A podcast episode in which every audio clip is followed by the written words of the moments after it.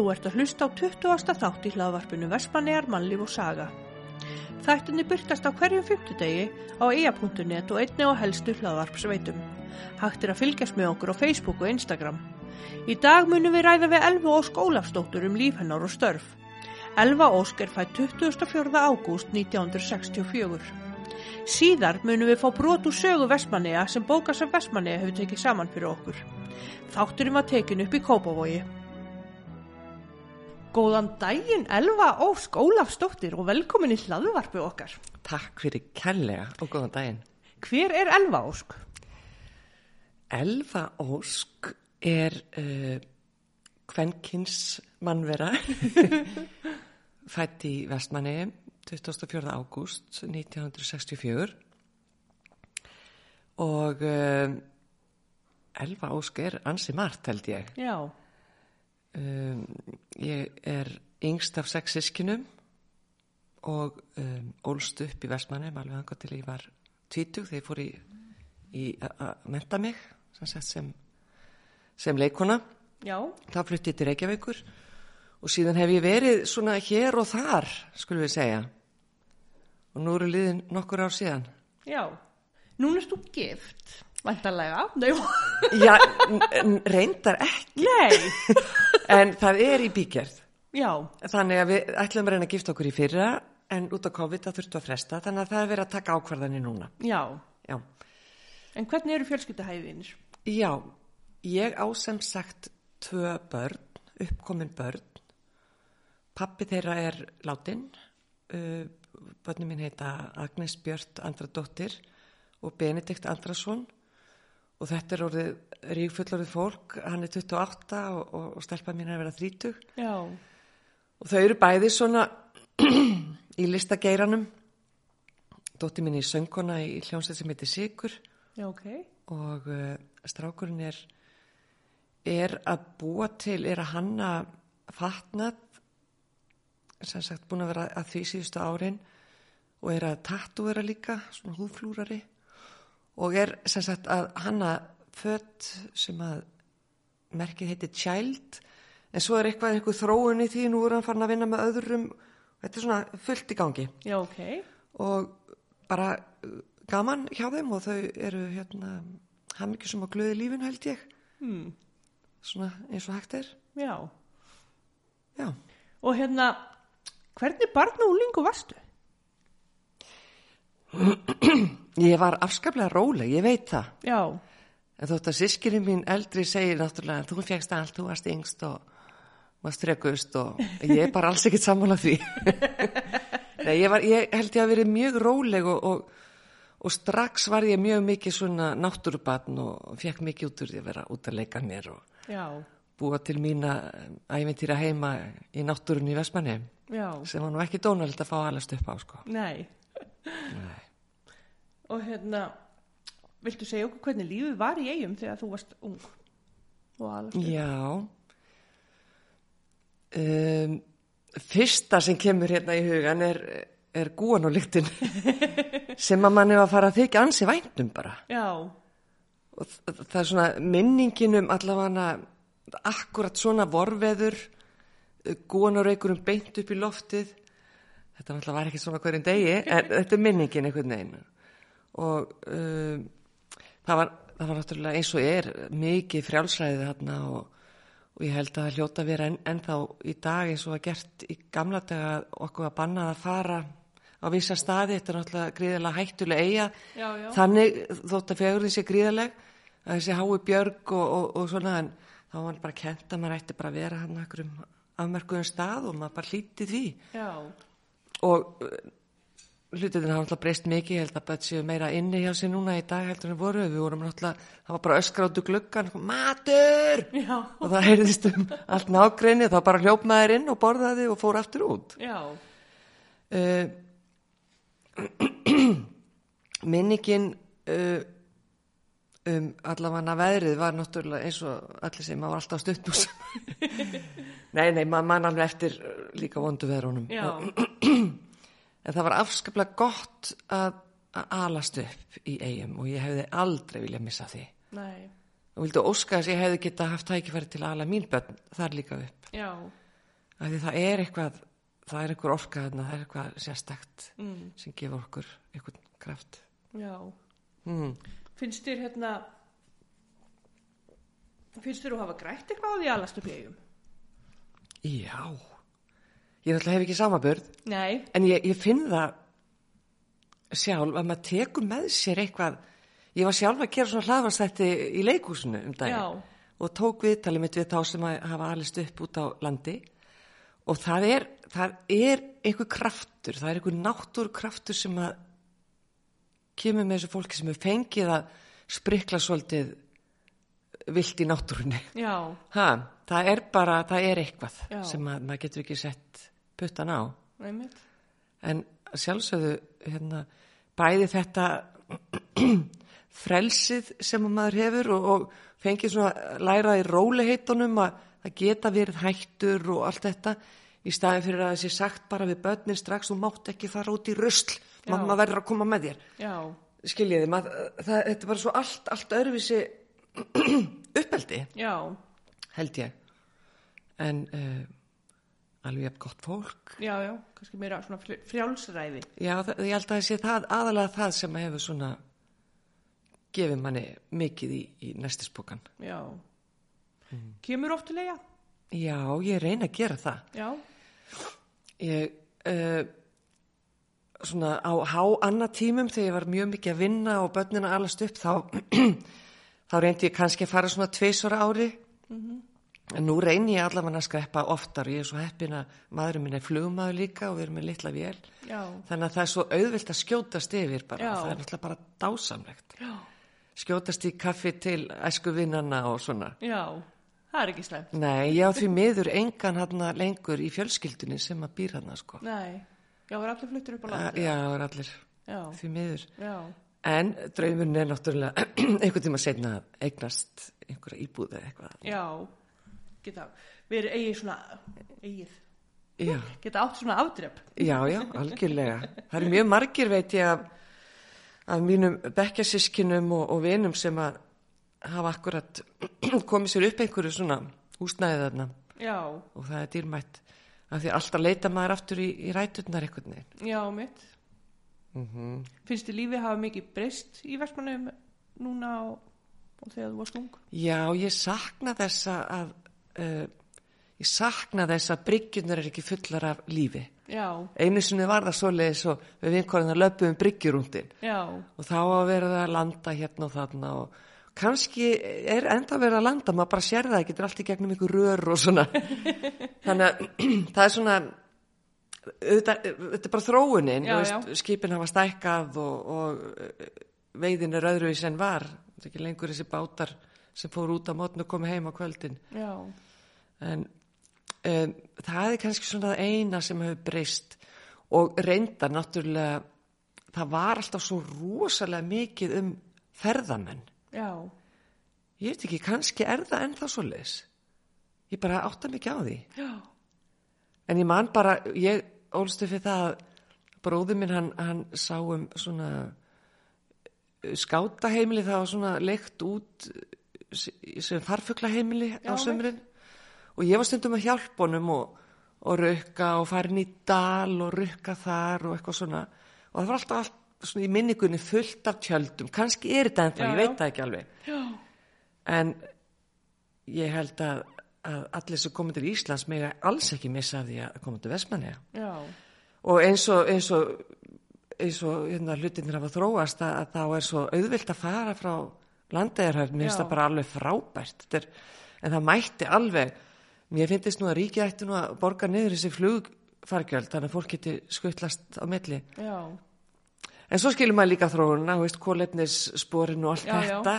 En það kemur líka með skipinu. Já, en maður má ekki hætta að lifa. Nei, nei, það var að fá að vera til og, skoða fallega staði. Já, það er að komast frá A til B og svona. já, þetta Finnst þér eitthvað ábúta vant svona í Vestmannum? Nei, ég, ég sé bara fegur þarna og ég er mjög ána með bæjarstjóran okkar. Uh, mér finnst lífið og tilveran bara æðislegi eigum. Kanski væri það náttúrulega, það er alltaf öðruvísi að búa á Já, já. staðanum. En um, nei, mér, mér finnst þetta ganga flott upp og svona eins og með þjóðháttíðin, þetta er bara stolt af skipulæginu og það mætti kannski, ég oft hugsa um það, mætti kannski fá um, eldri uh, eldra fólk inn í þjóðtíða nefnd, svona einn og einn svona til að til að þetta þróist ekki bara út í einhverja úlingaháttíð sem að maður hefur heyrt svona á vinum sínum að já, fólk eða svona pínugagrinni á þetta Já. en þetta er vel gert Já, það, en það mætti kannski fá fleiri svona hvað ég var að segja hliðar inn í skipulagið já. og uh, stærra aldurspil kannski Hérna, hvernig komstu á þann stað sem þú ert á núna? Bara svona í lífinu. Já Það var eitthvað sem að kallaði á mig að fara út í leiklist. Já. það var náttúrulega, ég sá ég fór í leikulega Ösmanni og sá bróðu minn leika afturluta á, á hesti í línu langsokk. Eða eitthvað og ég var alveg heitlu þarna vil ég vera sko. Svo ég fekk að, pröfa mig áfram í leikuleginu þessu frábæra leikulegi sem var mjög aktíft og ég held að sé mjög akt- aktíft í dag ennþá. Og uh, svo náttúrulega uh, var ég að leika líka svolítið í skólanum og með skátunum fullt. Vika Raps var nú aðarsprautan þar og það var nokkið leilt þegar kringum hana. Um, ég ákveð sem sagt í kjölfar uh, þegar ég fekk að vera með í nýtt líf bíómyndin í nýtt líf Já. að þá svona hugsa, já þetta er það sem ég vil gera. Alveg ákveðin, þarna var ég 18 ára gömul. Já. Þannig að uh, ég aflaði mér upplýsingar fyrir okkur leiklistanámskeið og, og þar frétti ég sem sagt að það væri hægt að læra að verða leikari Já. og ég vissi ekki að það væri hægt. Þannig að ég fyrir að aflaði mér upplýsingar um skólan og, og ég er kvött áfram á, af fólki hérna í Reykjavík að, og Vestmanni ykkur líka sem að, sem að þekktu til og komst inn í leiklistaskólan og það svona gaf mér mína línu inn í lífið og svo náttúrulega breytast hlutir og þetta er eins og um að fyrir að læra eitthvað í háskólanum sérðu að áhugin fyrir eitthvað annað Já, eða, já. en einhvern veginn áhugin minn var bara þarna og, og ég hef algjörlega einblínt á leiklistina síðan en það er svo gaman að í mínu fæi þá er svo margt sem að svo ég get, veist, ég er að til dæmis að lesa hljóðbækur mikið Já. og sérstaklega í COVID þá er rólegt í leikusónum að þá get ég gert svo margt annað lesin á auðlýsingar og, og svona og, og það er einhvern veginn það er alltaf að vinna með skemmtilegu fólki í nýjum verkefnum og, og þetta gefur mér mjög mikið þannig að ég var bara heppin að komast í gegnum hennar skóla og, og vita hvað ég vildi einhvern veginn Já. Hvernig í leikúsinu í Vestmanniðum?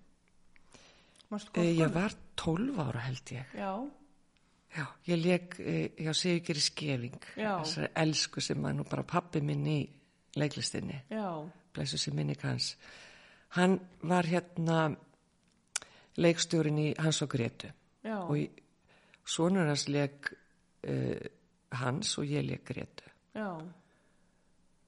og það var svona uh, byrjunin, svona alvöru byrjun í leik, leikflæðinu sko mjög gaman og svo leik ég alveg leik, með leikfélaginu þangað til ég var orðin ábyggla átján eitthvað svo leis Já. og var mjög aktív og þetta var svo gaman sko, það var svo opbáslega breyður hópur af fólki Já. og það þurfti að taka tillit til einhver var á vertíð og einhver var á sjónum og, og einhver kennari veist, þetta var bara svona og unnur heitin gamla var hérna líka og þetta var bara mjög, mjög uh, lærdómsríkt og, og skemmtilegt Já. og líka þetta þannig lærði maður að, að við vinnum svo vel saman þegar við blöndum öllum aldrei saman Já. Að þá, ég man bara ég lærði svo opbúslega mikið af eldra fólkinu Já. af því að maður var svona jafningi Einmitt. Veist, það var ekkit litla mín, hérna þegið þú, þú veist Já. ekki neitt. Maður fekk að vera, ups, þú kom svo garnagöl, klukkan er svo, svo lítið ennþá, það er ekkert búin að borða. Nei, þetta, já, virkilega gaf mér mikið. Já. Og um, svo er þetta náttúrulega bara líka þetta að, að komast á einhvern stað, þetta er einmitt að vera bara einbyttur á hvað þú ætlar og, og halda því til streitu og þetta er náttúrulega bara að vinna, þetta kemur ekkert upp í hendurnar á fólki Nei, nei. bara alls ekki sko að hafa fyrir þessu. Vinna, vinna, já. Algjörlega. Hefur ykkur ráðlegginga fyrir þá sem að hafa áhuga að vinna við það sem þú ert að vinna við? Hvað er best að byrja á þess áttar? Já.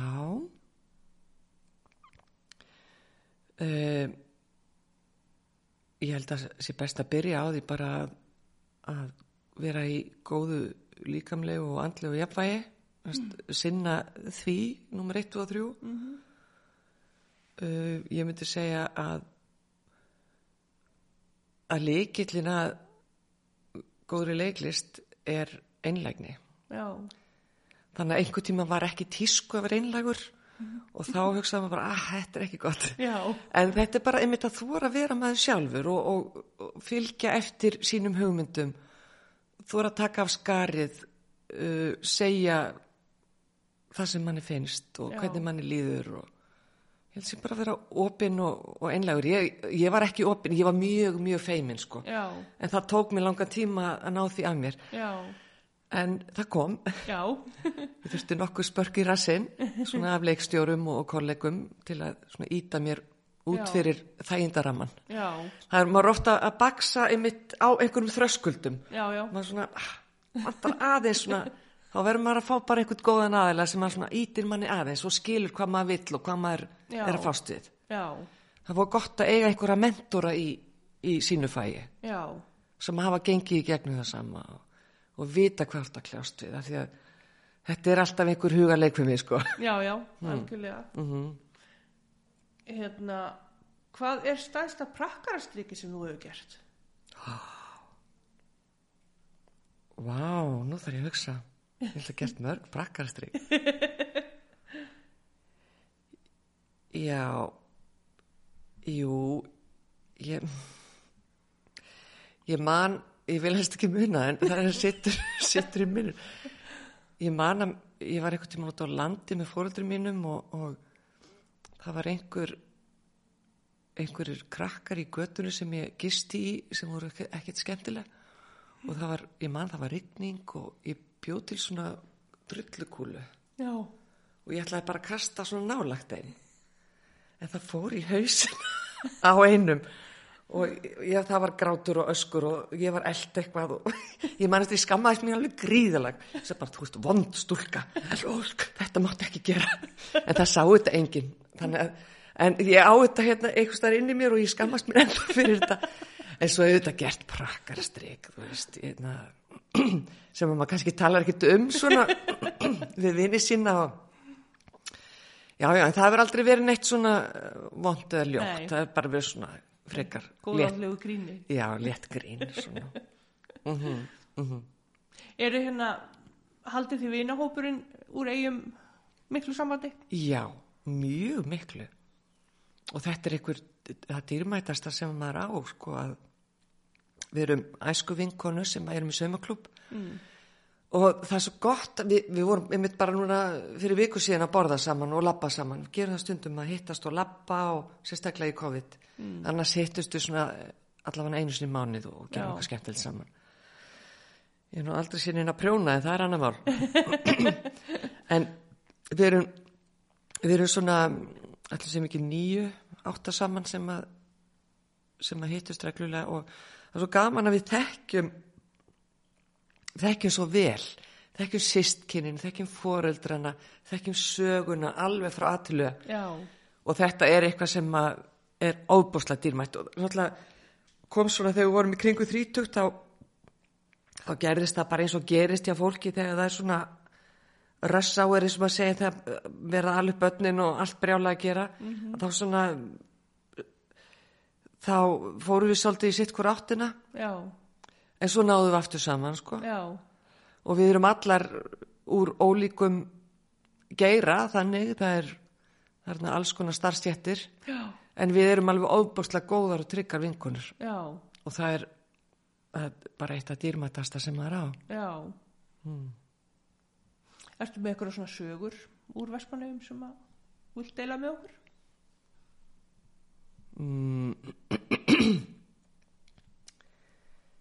ég þarf nú ábygglega aðeins meiri tíma til að rifja það upp en mér fannst einhvern veginn svona í minningunni er bara er bara, eru bara vestmanni er bara eitt ævintýri. Það er, það er það var alltaf einhvern veginn og er alltaf gaman þegar maður kemur til eiga, það er alltaf eigin býður upp á svo margt fallegt og það er það er bara að, að gangum bæinn og, og hérna að lappin í sjoppum, maður heitir alltaf einhvern sem mann er ekki vændum og, og, og gott er að rifi upp góða tíma og hérna og sjá líka eins og þú varst að tala um áðan veist, það er þróun það er eins og allstar annar staðar og, og ég hef bara fulla trú á, á eiginni og mér finnst allt í blóma þar og já,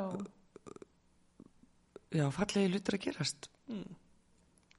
Því miður hef ég enga svona sögu bara svona sem ég get gripið í en, en í haustnum á mér og, minningunni er alveg fullt af sögum. Já. fallega sögur og skemmtilegar. Varst að vinna í fristihúsinu, til dæmis? já, já, já, Já, já, já, hver var ekki það ég held að ég var svolítið í bæjavinnunni og svo var ég líka í fristuhúsinu náttúrulega. Uh, var í eftirlitunu svo var ég að mænudraga humra og, og var að vinna á borði og alls konar, bara Já. var í öllum þessu störfum og það var náttúrulega svaka fjör og minningin um einhvern veginn að sitja undir vegg í pásum og láta sóluna skina á sig og, og svo náttúrulega ég náði sem betur fyrir náði ég að, að uh, pínu í þessa síldarvertíðar sem að það sem að var verið að salta í tunnur já, ok.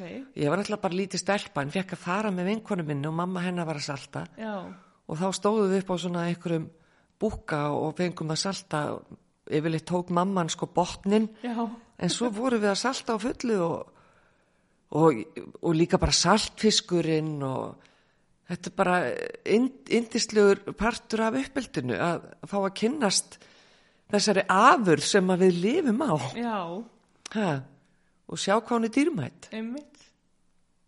Hvaða verkefni ertu að vinna við í dag? Ef við fáum að nýsa staðins. Já, sko það nú búið að vera á hold ansi lengi. Ég, ég var fastræðin í þjóðleikusinu í 18 ár og nú er ég lausráðin og uh, ég verð með í leikriti sem heitir Framúskarandi vinkonur uh, og verður á stóra sviðinu og það átt að uh, við byrjum þrísor að æfa það en það þurfti Já. alltaf að hætta út af COVID. Þannig að nú fyrir það í æfingu í november Já, og svo er ég í hátegisleikúsið sem er ekki byrja, komið tíma á hvenar á að æfa. Nú er ég bara sem sagt að svona að kom ég fyrir í húsi sem vorum að flytja inn í og, og uh, er eins og ég segi, er lesa svolítið í storytell og, og svona auðlýsingar og já, það er svona það sem ég er að dunda við þessa dagana. Já. Spennandi. já, já, bara mjög gaman Og finnst þér alltaf gaman að vera leikona? já, það er svo skrítið Já, Ég man að ég fekk einhvern tíma leið á þessu þegar ég var búin að vinna yfir mig næstu. Þá langaði mig að söðlum og ég fór eitthvað að, að skoða atvinnölsingar og fór svo langt að vera komin í viðtal sem markastjóri einhvers staðar. já, Svo bara hugsaði bara ég kom heim bara hvað er þetta að gera? Elva, sko? Þú kemur aldrei til mig að fíla þetta. Þannig að ég bara hérna held mig við mitt. já, Já, en auðvitað kemur hjá öllum, Já, sama hvar þú ert held ég. Það kem, kemur að einhverjum svona vegg þar sem að þér finnst þú vera búin að fá nóg og ábyggla allir búin að fá nóg að þér. já, Þannig að sem betur fer þá er í, minni, í mínu fæi er nóg til að fólki og það er hérna, þú ert einhvern veginn sérstaklega sem lausaðan, ertu aldrei að fást við eitthvað sem þið finnst leðilegt.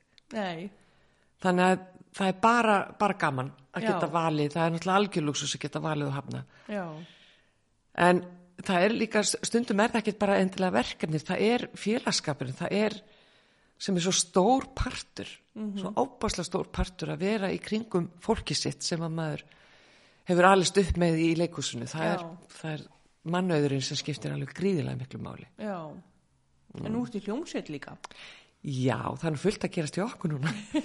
við, þetta er mjög nördalegt en við förum hérna hittust einu sinni í viku og erum að æfa jólalög. Já, en skemmtilegt.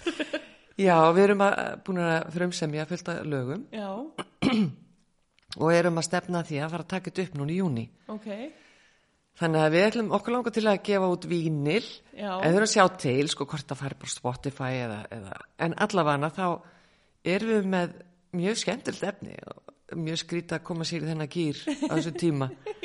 ha, en þetta er ásæðlega gaman, sko.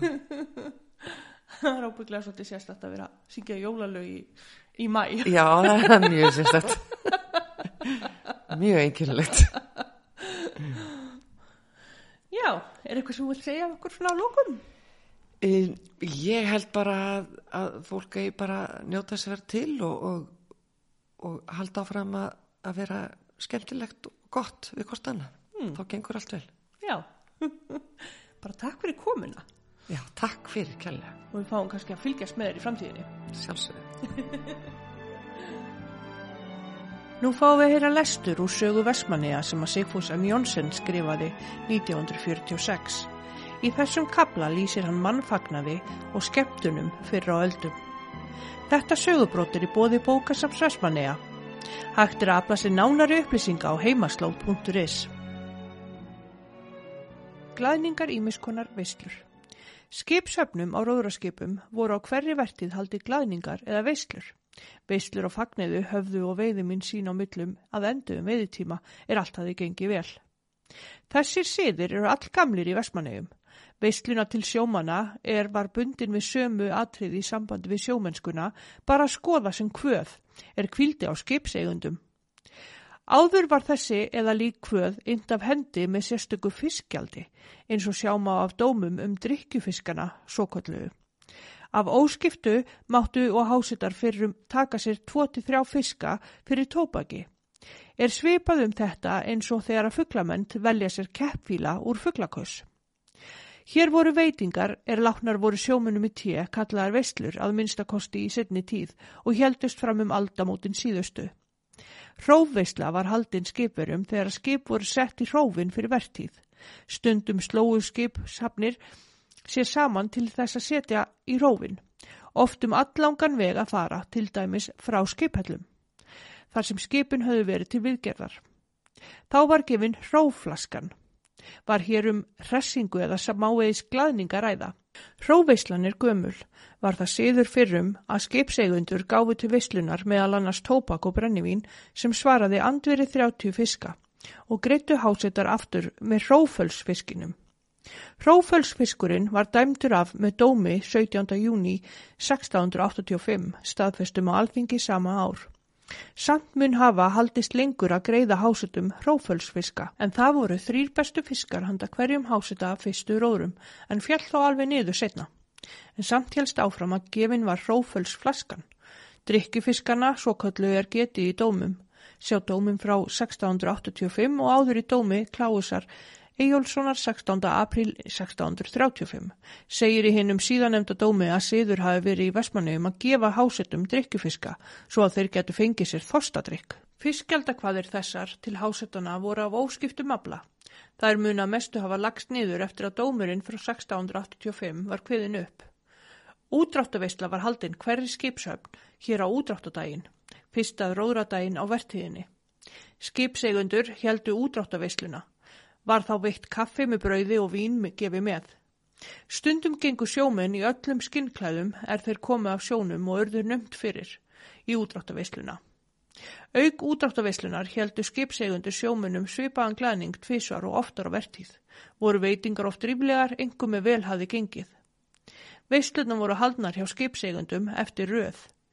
Í veitingahúsi eigana fyrst eftir að það var stopnað. Sumardagsvislan var haldinn fyrir bátsafnir á sumardaginn fyrsta, oft heima hjá formanni. Í sumardagsvislunum voru góðar mataveitingar og kaffi og vín og oft drukki fast. Í þessum veislum var glatt að hjalla, spilað, sungið, telt og í setni tíð dansað. Hér var tóm til að minnast ymsra atburða úr sjósókninni og hreistisögur sagðar. Þegar fleiri skipsöfnum lendi saman sló í kappræður um það hver væri mestur sjósóknari og formaður og hvaða skip besta sjóskipið.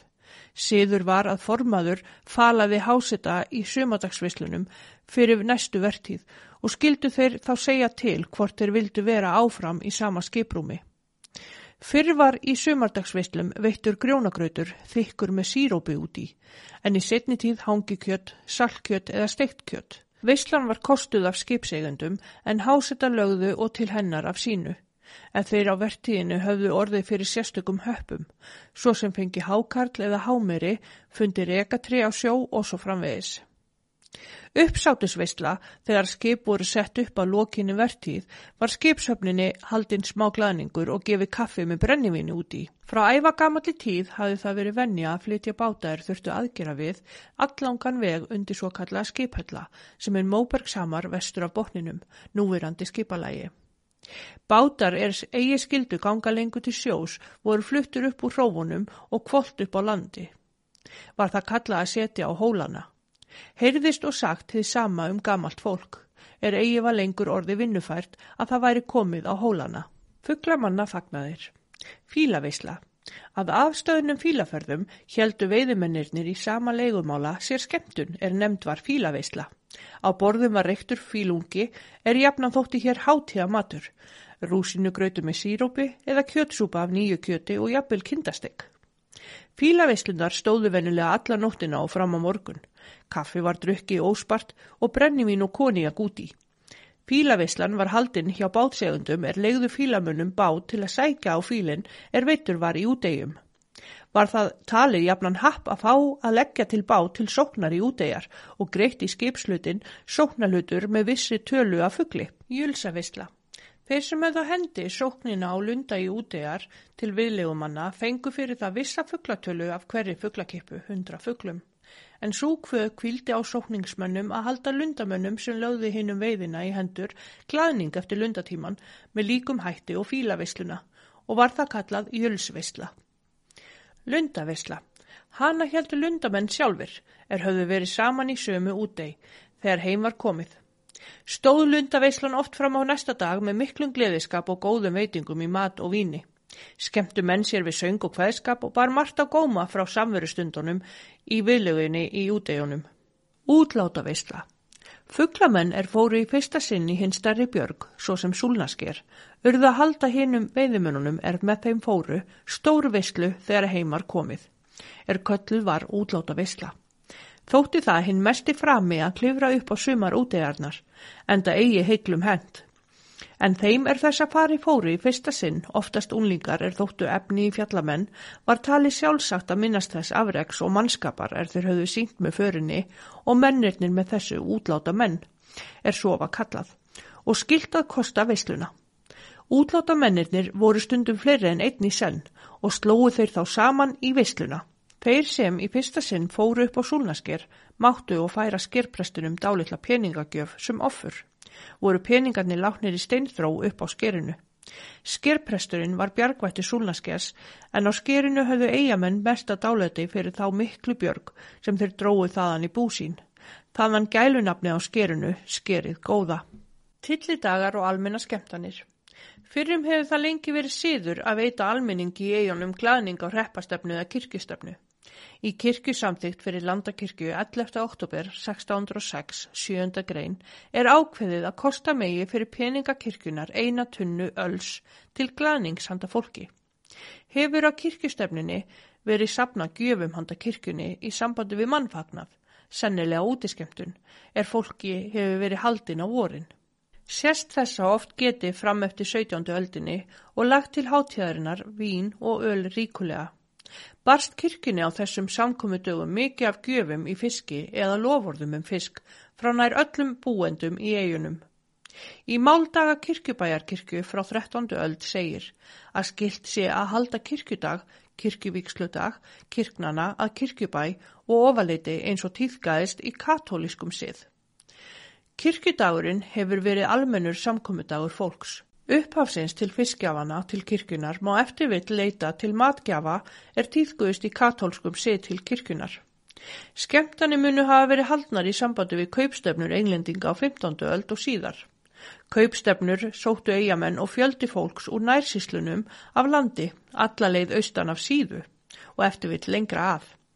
Á Englandi var markastímin fyrrum kallaður vaka og voru það aðal skemmtidagar ásins og vakat nætur og daga. Svipa getur hafa átt sér stað í sambandi við hinnar ennsku kaupstefnur í Vestmannegjum. Í reglunum fyrir kaupsetningunni er talað um vökumerki og landmönnum og eigamönnum bóðið að fara eftir því. Þjóðlegum skemmtunum er týðkast hafa í eigunum áður, mun mega telja gleðir og vikivaka, er yfkaður hafa verið hér sem annar staðar, mest um jóla og nýjásleitið og um förstu yngang.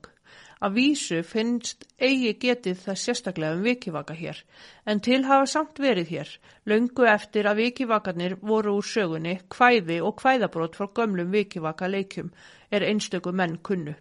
Talið er að fyrst hafi útlæti dansar verið síndir í Vestmannegum um 1860 í brúköpsvislu. Dansaði eitt par í umgetinni vislu. Dans eða dansleikir týðgæðist eigi almennt hér fyrir en eftir 1880. Fólk skemmti sér við gamlar þjóðlegar íþróttir. Blísfarir og alvadans var síður á setni tímum að halda á þrettándanum og stórar brennur þá kynntar á fjallarnjúkum uppi á helgafelli og víðar. Í blísin var hafður táin hampur úr gömlum skipskauðlum og sigaböndum eða reyðingstorf smurti í ólíu eða lísi og hrjátjöru. Álvadansinn fór fram undir fórustu álvakóngsins er venjulega var hæsti maðurinn á eigunum og álvadrottningarinnar er var næsthæsti karlmaðurinn og bar skautbúning og hvítan kirtil. Þáttakendur voru allir grímuklættir, flestir velbúnir en sumir klættu sig all afkárlega sem margýgir og skrimsli. Dans var stíin og blísin, borin og sungið, nú er glatt í hverjum hól og svo framvegis. Allir sem vettliki gáttu valdið komu til að horfa á álvadansinn. Er vennulega fór fram á grundunum undir stóraklifi, postflutum, svo kalluðum. Álvadansinn þótti jafnan besta skemmtun og var eitthvert mesta tilhökuna efni fólks. Eftir álvadansinn var grímudansleikur oftast haldinn heima í samkómuhúsi kaupstæðarins. Úlingar höfðu brennur stórar á haustin til gamans af þurkuðu kartublugrassi er fólk við á því saman. Voru dansaðir hingdansar og farið í leika kringum brennuna. Marskonar jólaleikir týðguðist hér. Á sumum bæjum var það og siður að skrifa upp alla sem koma á jólaföstunni, bæði karla og konur. Var heimilisfólkið einhver tíma um jól, jólinn láti draga um gestina, piltana og stúlkunnar sitt í hverju lægi. Millið 13. ávertíjar týðgæðis á siður í Vespanauðum sem eigi er annar staðar geti hér að fólk klætti sig í grímubúninga, karlar og konur, engu þó úlingar og fór grímubúið í hópum á vögunni um bæin. Fyrir hópnum fór fylgdamaður er eigi bar grímu og gekk hann á undan og baða leifis fyrir grímufólkið að það mætti koma inn og var það oftast auðsótt. Settist grímufólki inni og fór með alls konar tilbörðum og gáska en heimilisfólki skoðaði alla í krók og kring og reyndi að þekkja og varð af hinn besta skemmtun. Er oftast endaði með því að grímufólkinu var bóðið að taka af sig grímuna og var því svo borið kaffi og aðra veitingar. Þetta þreifst best í fámenninu meðan hver þekkti annan eða lagðist niður er fólki tóka fjölga eftir aldamótin síðustu. Á öskudaginn var ætti mikið um að vera, engum hjá börnunum en fullorni tóku og mikinn þátt í öskudagslátunum. Neittu karlar og konur oft allra bragða til að láta hvort annað bera öskupoka eða að hvennfólki þennan dag bæri steina til dæmis í heimeisum eða ílátum eða með einhverju móti sem var og karlmenninir ösku, íþróttir og leikir. Bandaglýmur háðu sjómenn á vertiðinni landlegu dagana og eftir messu á hátíðistögum. Gengu skipsafnir hvora móti annari eða liðið var þannig skipt að vermenn eða landmenn fóru með sínum heimabónda og eigamenn með sínum. Kom fjöldi fólks að horfa á glýmurnar inn á svo kallar flatir. Þóttu þær ætið besta skemmtun, þá yfkuðu menn og höfrungarhlaup og ímsa stökkliki. Glímuæfingum og kennslu heldu þeir uppi Guðjón Jónsson í sjólist og Jón Einarsson í hlaðbæ, setna hraunni. Er báðir voru frækni glímumenn. Mart var hér um góða glímumenn og voru flestir ungir menn pöylæfðir í glímum. Sigamenn síndu berg sig, engum lærfað sig og leku listi sínar í háalofti og varð mörgum sem vollegt var starfsínt á. Ein af bestu skemmtunum úlinga var að yfka smásig og spranga. Fjallamenn, bjargmenn síndu frækleiksinn með því að klifra utan í hengiflugum. Kappróðrar voru algengir og þá heitið á pilta að létta nú lægið. Fóru menn þá stundum svo nærri hver öðrum að slósta á árar og gat verið hættulegt. Við kappróðrana kom hitin upp í mönnum, bæða reyna gangbátana og þól. Myndus menn þá einatt ónóta orða og svigurmæla ef fallið höfðu sem gatt komið fyrir, en menn voru við öll. En félagsandi var mikill milli skipverja innbyrðis og tóku hásettar upp þústuna hver fyrir annan og þótti gaman að geta snúið á þá. Er best þóttu skipaðir og súrnaði mönnum í skapi ef skipshöfn þeirra varð undir. Hér voru margir afburðaræðarar og þól og þróttur mikill. Svo hafa kunnugir menn sagt að stundum hafi menn þreytt kappróðra alla leið frá súlnaskeri og heim. Kappsiglingar voru og týðgaðar en eigi eins mikið. Vestmannegingar þóttu jafnan frábælega góði siglingamenn. Gamlir sjóminn voru oft fámálgir og bræðdöfir er þeir voru í landi en leku á alls otti er þeir komu á sjóin. Fólk fór skemmtiferðir í útegjar á sumurum. Á sunnudögum í heimsókn til veiðimanna er láið þar við og skemmtisiglingar kringum eigjar. Landferðir til að heimsækja kunningja og ættfólk á landi fóru menn helst á vorin og haustin. Í rúningsferðum á vorin í útegjar var oft glatt á hjalla og sóttust úlingar mjög eftir því að fá að vera með í þessum ferðum. Fá að sigla ef byr var og að smala eigjarnar er út var komið um klungur og kletta og taka þátt í eggjasöfninni í fugglabygðum um leið og smala var og eggin svoðin handa réttarfólkinu. Réttardagar á heimalandi voru og almenni samkomidagar fólks. Útreðar voru týðgar og sunnudögum á sömurum fram að höfudegi. Eigamenn fengu stundum góða reyðhesta úr nærsveitunum á landi en fáir voru samt er heldur reyðhesta. Sumadagurinn fyrsti var hér jafnan mesti tilli dagur. Margir gáfu sumagjafir og lengi var sá siður og helst við hjá sumum enn að konan fekk það sem maðurinn aflaði á sumadaginn fyrsta eða honum var skipt til dæmis í skipsluti eða hluta af sumadagsaflanum. Sumir glettus með ímiskonar tilsvörun í sumartunglið og höfðu margir trú á því að sitt hvað mætti af því ráða hversu manni var svarað í sumartunglið. Töðugjöld voru haldin í eigum eins og síður hefur verið á, hér á landi þegar búið var að hyrða af túnum. En túnhyrðingu átti helst að vera loki fyrir fílaferðir. Margir húsbændur voru og vanir að gefa vinnufólki sínu og börnum smágjafir þegar búið var að þurka saltfiskin og leggja inn í veslanir. Hjá allmörgum helst á siður að breyta til um mat á sprengikvöld, en að mestu öllu leiti voru hornar menjar hins gamla síðar að fagna þorra og góu nema að því leiti að bóndi skildi halda upp á fyrsta þorradaginn og húsfreyja upp á góudaginn. Lokk skal þess getið að fólk er vann að upp og útskipun á vörum úr kaupskipunum vann erfiðisvinnu er svo var kölluð. Hjælt sér glæning saman á haustin þegar síðasta skipi var farið. Í vinnunni tók og þátt hvern fólk einni við kóla og saltuppskipun. Skipin komu hér vor og haust. Kaupmenn gerðu daglauna fólkinu stundum smáglæninga, var það kallað góðgerðir. Stopnun herrfylkingar Vestmanneja um miðja 19. öld hlifti miklu fjöri í skemmtana og félagslíf hér.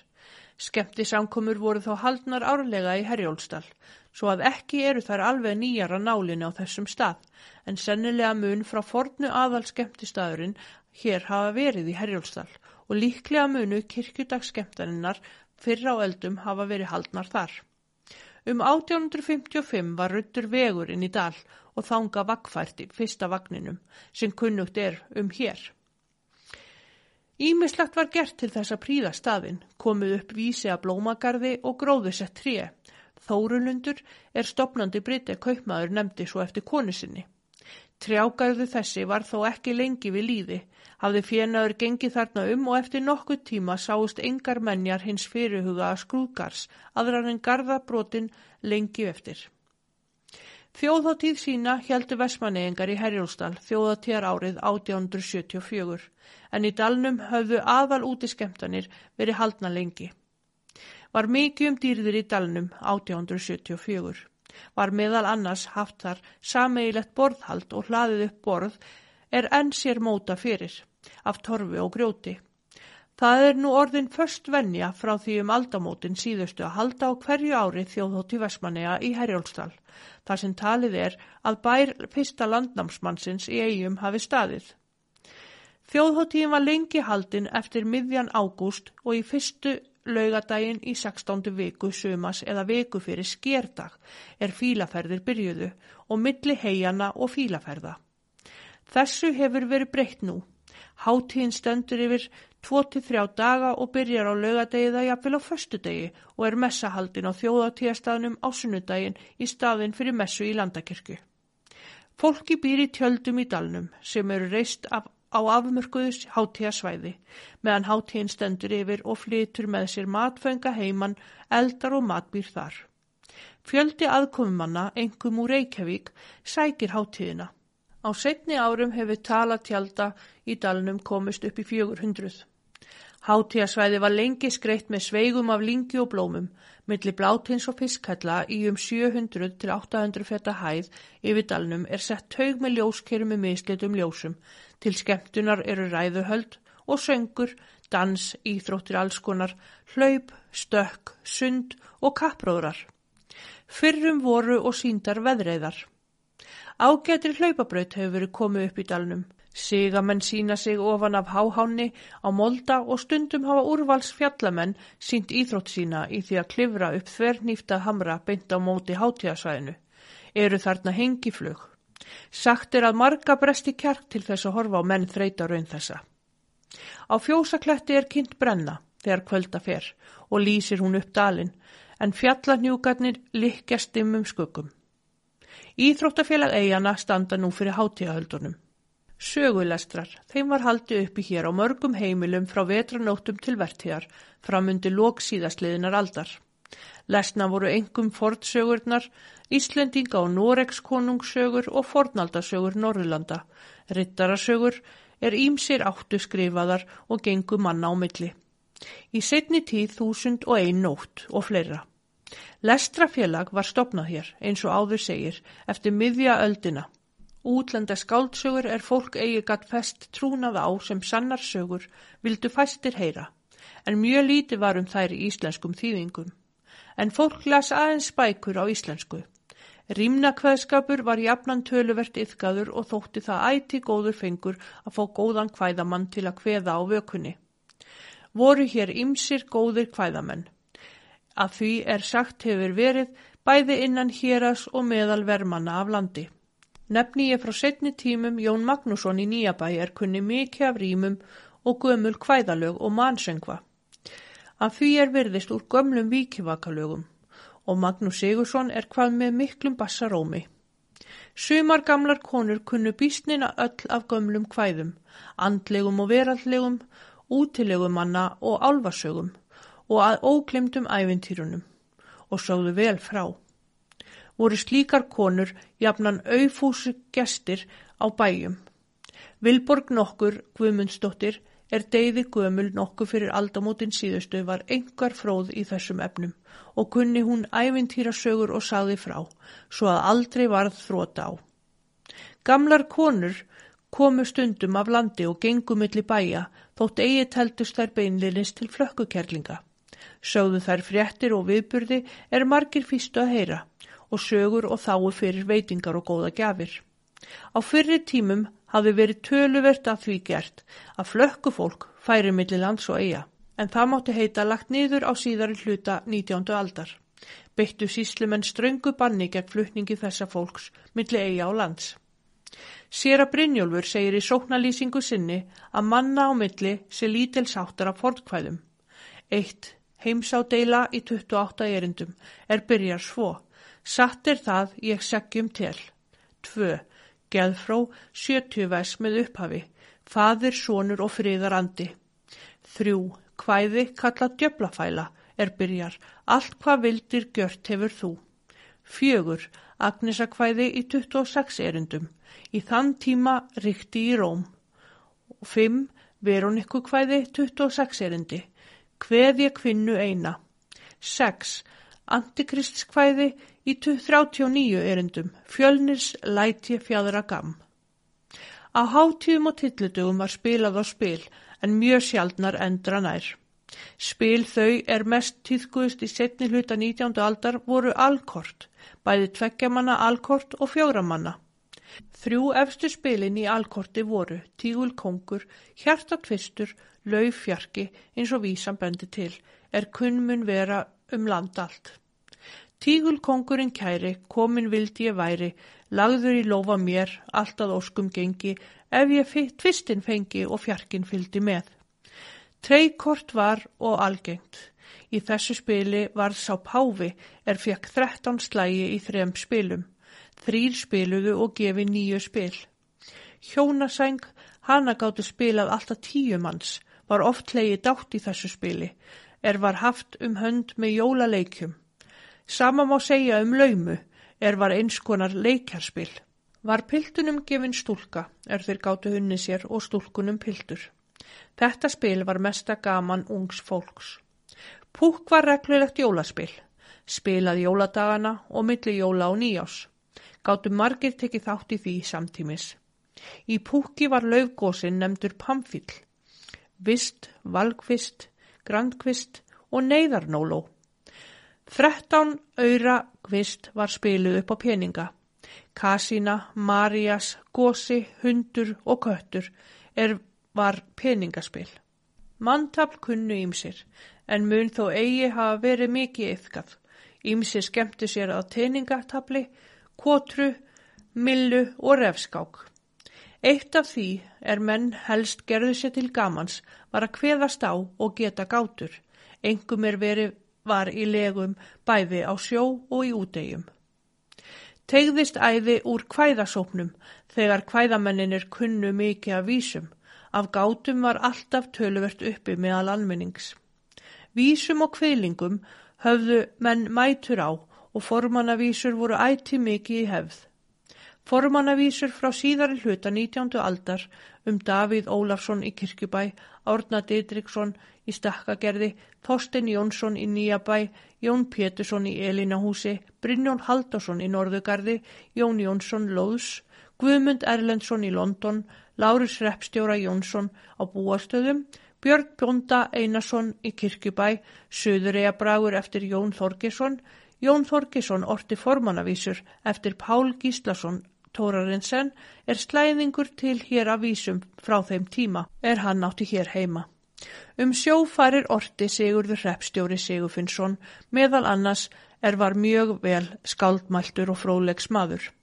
Þá má og nefna Ólaf Magnússon og Gísla Engilbertsson að frólegsmönnum má nefna Árna Einarsson, Árna Þórarinsson og Magnús Bjarnason frá Helgi, Helgahjalla. Er vestur fór. Meðal fróðleiksmanna á forna vísum á telja Jón Jónsson í Gvendarhúsi, Sigurð Viffússon á Fögruvöllum, Þorsteit Læknir Jónsson vann mikið og merkilegt starf fyrir náttúrufræðifélagið, sömu leiði skýsli Lárusson í stakkagerði, hann skrásetti fyrstu örnefni í Vestmannegjum. Af núlífandi mönnum ber að nefna sér að Jésa Gíslason, Jóhann G. Ólafsson bæjarfókjeta og Árna Jónsson. Sér að Páll Jónsson skáldi er var landsett skáld, var upprinnin og fættur í eigum. Eva og Guðrún Yngri, dætur hans, voru og vel skáldmæltar. Þeir sér að Páll og Jón Jónsson er kallaður var torfabróðir og var hagirðingur góður, áttist við miklar glettingar í ljóðum. Um þessa mundir var og Sigurður skáldbreið fjörði Vestmannegjum, sér að Jón Östmann var og hagmæltur. Skáldalíf hafði verið fjörugt hér á þessum tímum og hvæði og stökur tíðar með manna á meðal. Meðal gömlu prestana voru eins og kunnugt er eigi all fá góð skáld. Salmaskáldi alkunna sér að Jón Þorstinsson Píslavottur, sér að Grímur Bessason, sér að Benedikt Jónsson og sér að Guðmundur Högnason. Voru þeir sumir og ágætt latínu skáld. Af skáldum og reytöndum er átt höfðu heima hér á síðustu tímum og sum allengi nefni ég Sigurd Sigursson frá Arnarholti, Magnús Stefánsson, Örn Arnarsson, Stein Sigursson og þeir Sigurbjörn Sveinsson, hinn landskunni barnabókahöfundur Loftur Guðmundsson og Magnús Jónsson frá Solvangi gera nú gardin frægan, einni Helgi Sæmundsson, Árni Guðmundsson og fleiri mætti telja. Blaðaútgafa var komið á stopn hér 1917, hóf þá vikublaði skeggi gungu sína. Kom fyrsta blaðið út 27. oktober 1917. Fyrsta prentsmiðan hér var eign Gíslajóð Jónsson, kaupmanns. Síðar var ný prentsmiða fengin. er hún nú eign HF samkúmuhús Vestmanneja og gefur félagi út vikublaðið Víði. Var það stopnað 1928 af Ólafi Magnúsinni. Hver hinn að fjögra stjórnmálaflokka hefur haldi út sínu eigin vikublaði. Blaðið gest gaf pállæknir kolka út. Sjónleikir. Leikriti Narfi eftir Sigurd Pétursson var leiki hér nokkuð eftir 1860 og mun vera fyrsta leikritið er hér var sínt. Síðan var eigi leikið fyrir um 1889 og þá sínt leikritið Hrólfur og Narfi aftur. Setna var sínt útsvarið eftir Þorstein Egilsen. Skuggasveitn er hér hefur verið síndur mörgu sinnum og tólf kongavitið. Á síðari tímum beitti kvennfélagi sér fyrir því að halda upp í sjónleikjum. Leikfélag hefur verið starfandi um 35 ár og leiki hefur verið á hverju ári. Hefur félagi yfir að ráða ágætum leikröftum. Þinghúsi var notað áður fyrir almennt skemmti samkomi hús og góðtemplarahúsið eftir að það komst upp. Fyrsta góðtemplarastúkan er hér var stopnuð var stúkan Bára nr. 2. Stúkan Sunna 1922, tvær barnastúkur.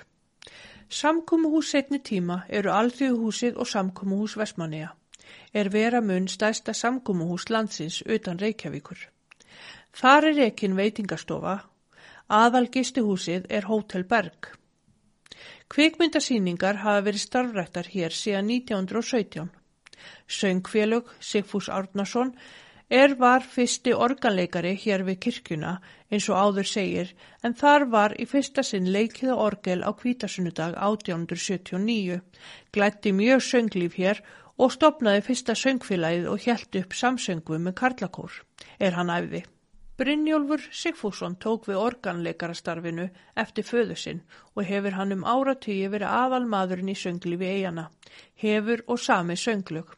Hann er stjórnandi Vestmannakorsins. A. J. Jónsson, nú bankagjálker í Reykjavík, æfði söngflokk og hjælt upp í samsöngvum með blöndu um kór hér um nokkur skeið eftir aldamótin síðustu. Árni J. Jónsson æfði söngflokk verkamanna. Karlakór Vestmanneja var stopnaður 1941, stjórnandi Helgi Þorláksson. Lúðrasett Vestmanneja stjórnar Otger Kristjánsson. Hann hefur og samið sönglög. Lúðrasveit var stopnuð hér nokkru eftir aldamótin en var hægt að starfa fyrir allungu. Um 1870 komið svo orði um hljófæra og söngmynd eigabúa að tilsíu þeir menn sem leiki á hljófæri, svo sem tveir á langspil, einn á fíólín, sjö á harmoníku, nokkri bera skín á nóknarsöng en eigi getur það heitið að neitt sé fullnuma í þeim efnum. Sumir gömlu fórsöngvararnir voru söngmenn miklir, svo sem Jón Samuelsson er átti Efu, dóttur Sýra Páls Jónssonar. Prestarnir margir voru og ágetir söngmenn. Það er í minnum haft um Sýra Jón Ösmann að hann hafi sungi og tóna með aðbröðum vel. Norðlensku maður er hinga komið en þeir voru hér prestar, sér að Pátt Skáldi og sér að Jón Östmann og hlíti hjá þeim messu í landakirkju, þá pretikaði sér að Pátt en sér að Jón var fyrir alltari, hafði sagt að jafnfagra og tilkomi mikla messugerð hafði hann aldrei hlít á. Eins og áður getur var hljóðfæri í ofaleitiskirkju um 1500 og mun það hafa verið með eldstu hljóðfærum þessara tegundar hér á landi og má telja víst að söngfróður prestur hafi þá verið í á ofalendi. Til hinna ungu íslensku lista hafa eiginanlegt sinn skerf. Vestmannegingar eru Júlíana Sveinsdóttir málari, Engilbert Gíslason málari, Gunnlaugur Haldásson húsamistari og Ólafur Kristjánsson. Hérðan eru ættaðir í báðar ættir Pétur á Jónsson óperusöngvari, fleiri mætti telja ef rúmværi til. Leikþrautir og leikir Leikþrautir ímiskonar tömdu úlingar sér. Að flá kött, fara í gegnum sjálfan sig, ganga heljabrú, reysa hórgemling, rýsa upp frá dauðum, reysa mann frá dauðum, hlunna árar og margt fleira sem reyndi á fimmleika og þól. Í eigunum týðkaði svo list sem köllu var að slá svensk og önnur lítið frábröðin að slá dansk. List þessa leika tveir og standa anspænis hvor öðrum. Fyndni og orðagaman margskonar höfðu menna skemmtun. Fagufiskur í sjó og svo framvegis, leggi lofa blinds karls, að geta hver margar árar er á borð, skipagjöf eða gefa skip, setja í horn og margt fleira. Einni gestaþrautir og dagratvalir, binda hnúta, sigur hnúta og sigur likjur, skjóta sel í auga og ímiskonar bandlistir. Fara í nefakaup og í krók, komast í búr, þekktu allir. Hér skal líst leikjum barna ólinga. Útburðsleikur var mjög algengu leikur í Vestmannegjum og er sami leikur og annar staðar hefur verið kallaður hafnaleikur. Í útburðsleiknum voru afmarkaðir tveir hólar á leiksviðinu í staðin fyrir borgir eða hafnir í hafnaleiknum. Milli hólana stendur eitt leikmanna og á hann að reyna ná hinum sem hlaupa milli hólana og eru þeir kallaðir útburðir. Leikurinn var hlaupa og þóleikur mikill. Í flokkaleik var liði skipt í tvo flokka og átti annar að fela sig en hinn að leita. Algengi leikir voru blindingsleikur, útilegumannaleikur, skessuleikur, kísuleikur, stórfiskaleikur, halarófuleikur, fugglaleikur, selningaleikur og saltabröðsleikur. Í sambandi við hann var söngleikur, er börnin sungu meðan veri var að finna út hver yrði fyrir því að liggja á grúfa sig niður meðan hinn börnin földu sig og varna þeim síðan að komast af honum óséð í borg.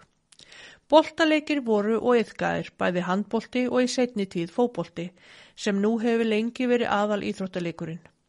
Kast eða sláttarleikur, sem kallaður var fransmannsleikur og úlingar höfðu lært af frönskum skipbrótsmönnum, var mikið yfgaður kringum aldamótin síðustu.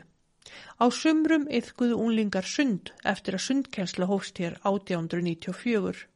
Kennarar voru Guðjón Jónsson í sjólist og Hjalti Jónsson. 1895 voru sundæfingar 40. Kennarar Guðjón Jónsson og Sigurður Sigurfinnsson og setna Gísli Jóð Jónsson. Kenslan fór fram í sjónum undir litlu löngu, aðalega, svo stóru löngu og við grjótgarðin norður af skildingafjöru. Baðstæðir eru hér ágætir í víkum og sjávarlónum víða og skjól ágætt. Sundkensla hefur verið yfkuð hér nær 50 ár.